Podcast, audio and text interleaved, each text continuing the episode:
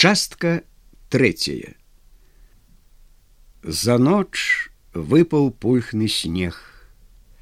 Пад ім загубіліся, зніклі ўсе пуцявіны, усе дарогі, якія вялі ў маёнтак пана вашамірскага.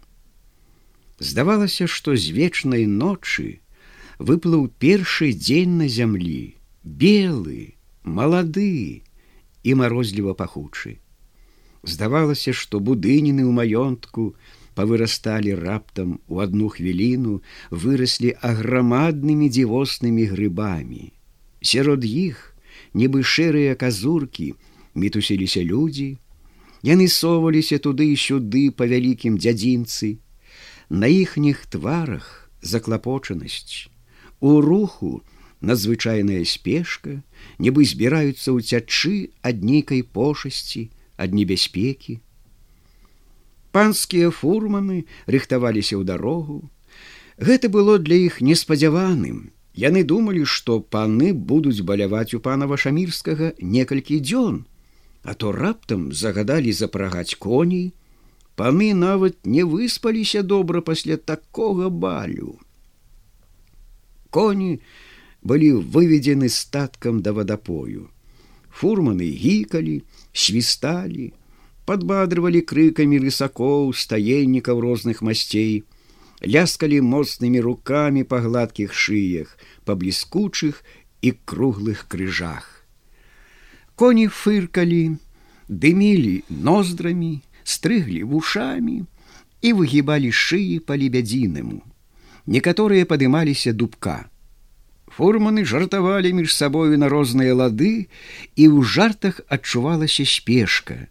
Было загадана як найхутчэй справіцца. Хутка былі запрэжаны коні. Ухутаныя ў дарожныя футры паны рассаджваліся ў павозкі раскланіваліся паважна з панам вашамірскім. Ён стаяў на парадным ганку. Фурманкі рынуліся з месца выехалі адна з адной у галоўныя прысады і расцягнуліся доўгім змеем. Звон бразгулак разліваўся тоненькімі шклянымі зыкамі. Пан вашамірскі стаяў у глыбокім задуменні і глядзеў у бок аснежаных прысад, дзе паміж дрэў, нібы з-за вэлюму, ярка вырысоўваўся доўгі абоз яго гасцей. Яму было відаць, як госці рабілі знакі адзін аднаму з павозак, як фурманы, відаць па загаду гаспадароў, стрымлівалі коней і ехалі паволі. Мабыць, аба мне гутараць, думаў пан вашамірскі і ўзяўся рукою за разгарачаны лоб. Пачаў пільна прыслухоўвацца, паміж звону бразгулак, пачуўся нястрыманы гучны смех. Ён заўважыў, як на апошніх павозках госці браліся за бакі, хапаліся за грудзі, душыліся ад смеху дзікага, непрыстойнага. Смех лес вострымі іголкамі ў грудзі пану вашамірскаму, аглушаў слых і драпаў па нервах, нібы кашачы канцэрт яго маткі. Пан вашамірскі пабляднеў, вочы углыбіліся, сківіцы юдырам захадзілі. У снежнай далі схаваліся павозкі гасцей. Не чуваць звону бразгулак, а смех, кплівы, бязлітасны, на розныя галасы звініць у вушах пана вашамірскага. Гэта была толькі галюцынацыя слыху. Вакол стаяла цішыня. Пан тупа глядзеў у бок свежа праторанай дарогі і не ведаў, дзе ён і што з ім. Ён уяўляў сабе міміку і гукі разнастайнага смеху у кожнага з гасцей паасобку. Яны высмейвалі яго, панава шамірскага, за няўдачу салаўём. Яны закранулі яго панскі гонар, пан упіваўся пякельнай музыкай смеху. У сваім уяўленні ён пераходзіў ад госця да госця, прыглядаўся, прыслухоўваўся. Вось тоўсты багаты пан тольскі, гігікае. Замасленыя маленькія вочки блішчаць дзвюма кропельнымі лужынкамі. Твар чырвоны, як медь, тройны подбородак складывается ў шырокія фальбоны. Гу-гу-хо-хо-хо! Смяецца басам пан, толькі і трымаецца за вялікае пуза, нібы яго пуза гукі смеху выдае. А то брэша по сабачаму тонкі як жертка пан забела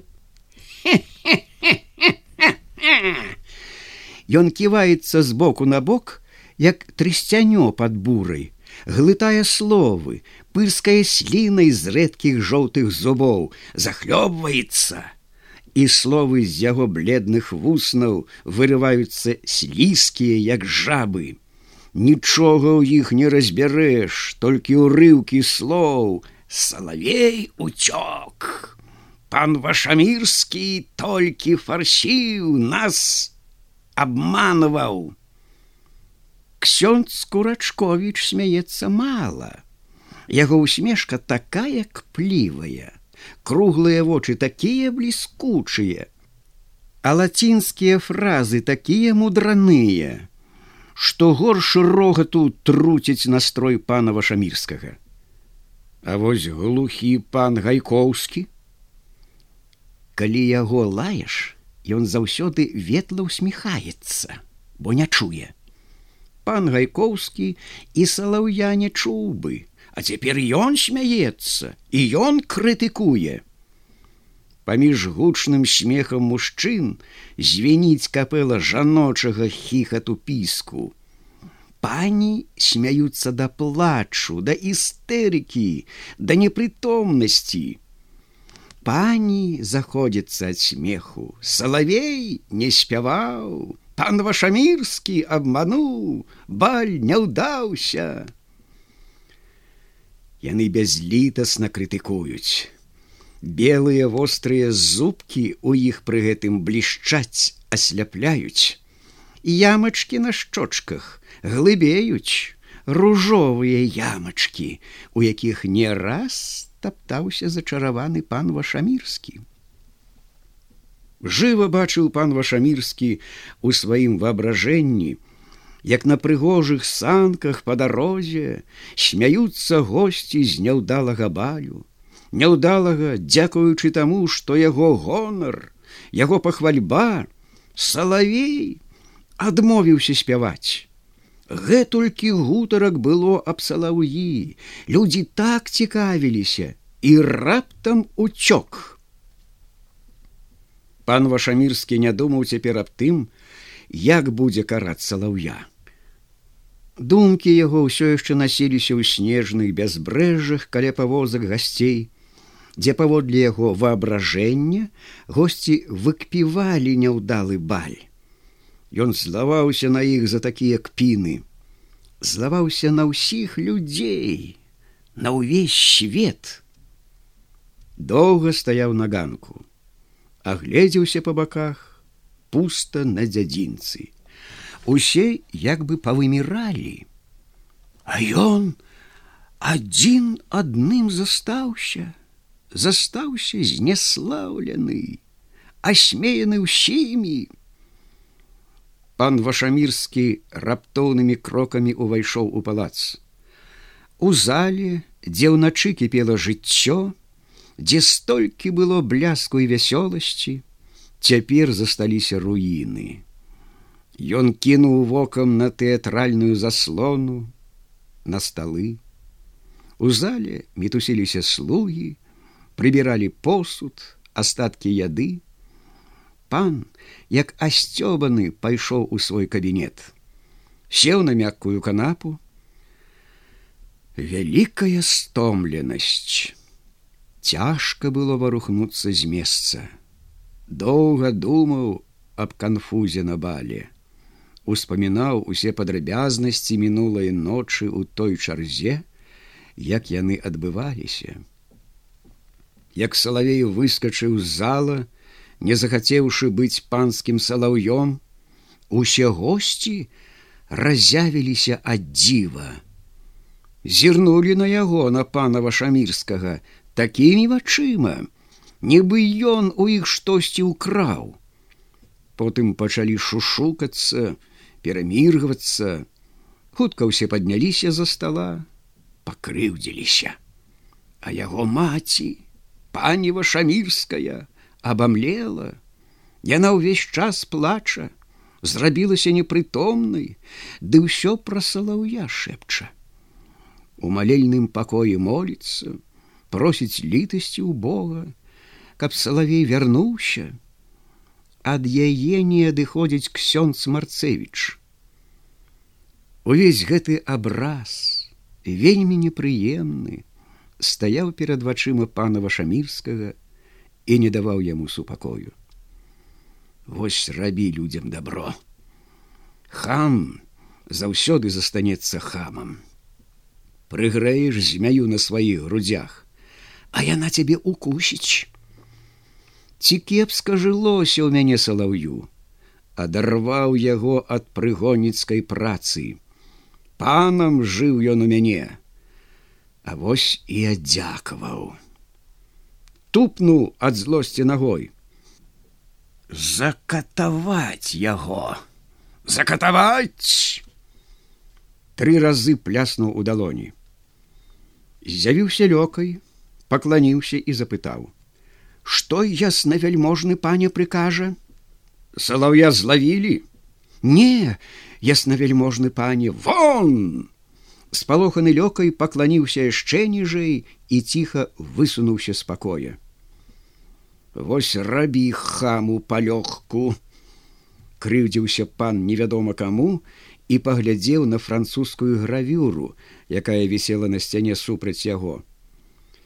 Яму зрабілася горача, успомніў, што сядзіць у цёплай футры, скінуў футру з плеч на дыван і зноў пляснуў тры разы ў далоні. Зноў з'явіўся спалоханы лёкай, пакланіўся, і з маўклівым запытаннем у вачах зірнуў на пана. Футру забяры. Думкі аб неспагадных людзях, аб яго надмерным панскім дабры да іх не ведалі супакою. Чаму я такі добры? Чаму? Пан зноў наставіў вочы на гравюру. Яна выяўляла захад сонца ў невядомым стэпе по высокім кавылі носіцца ўскач у вялікім сполаху табун дзікіх коней. Недалёка ад іх у густым трысці стаіць леапард, гатовы да нападу. Пан вашамірскі раптам забыўся аб сваім незвычайным дабры да прыгонных і давай больш пільна углядацца ў гравюру. Распушчаныя конскія грывы, доўгія калматыя хвасты, дзіка бліскучыя вочы, баечныя позы дзікіх коней, якія нібы ў паветры носяцца ўсімі чатырма нагамі над кавылём, захапілі пана сваім першабытным хараством.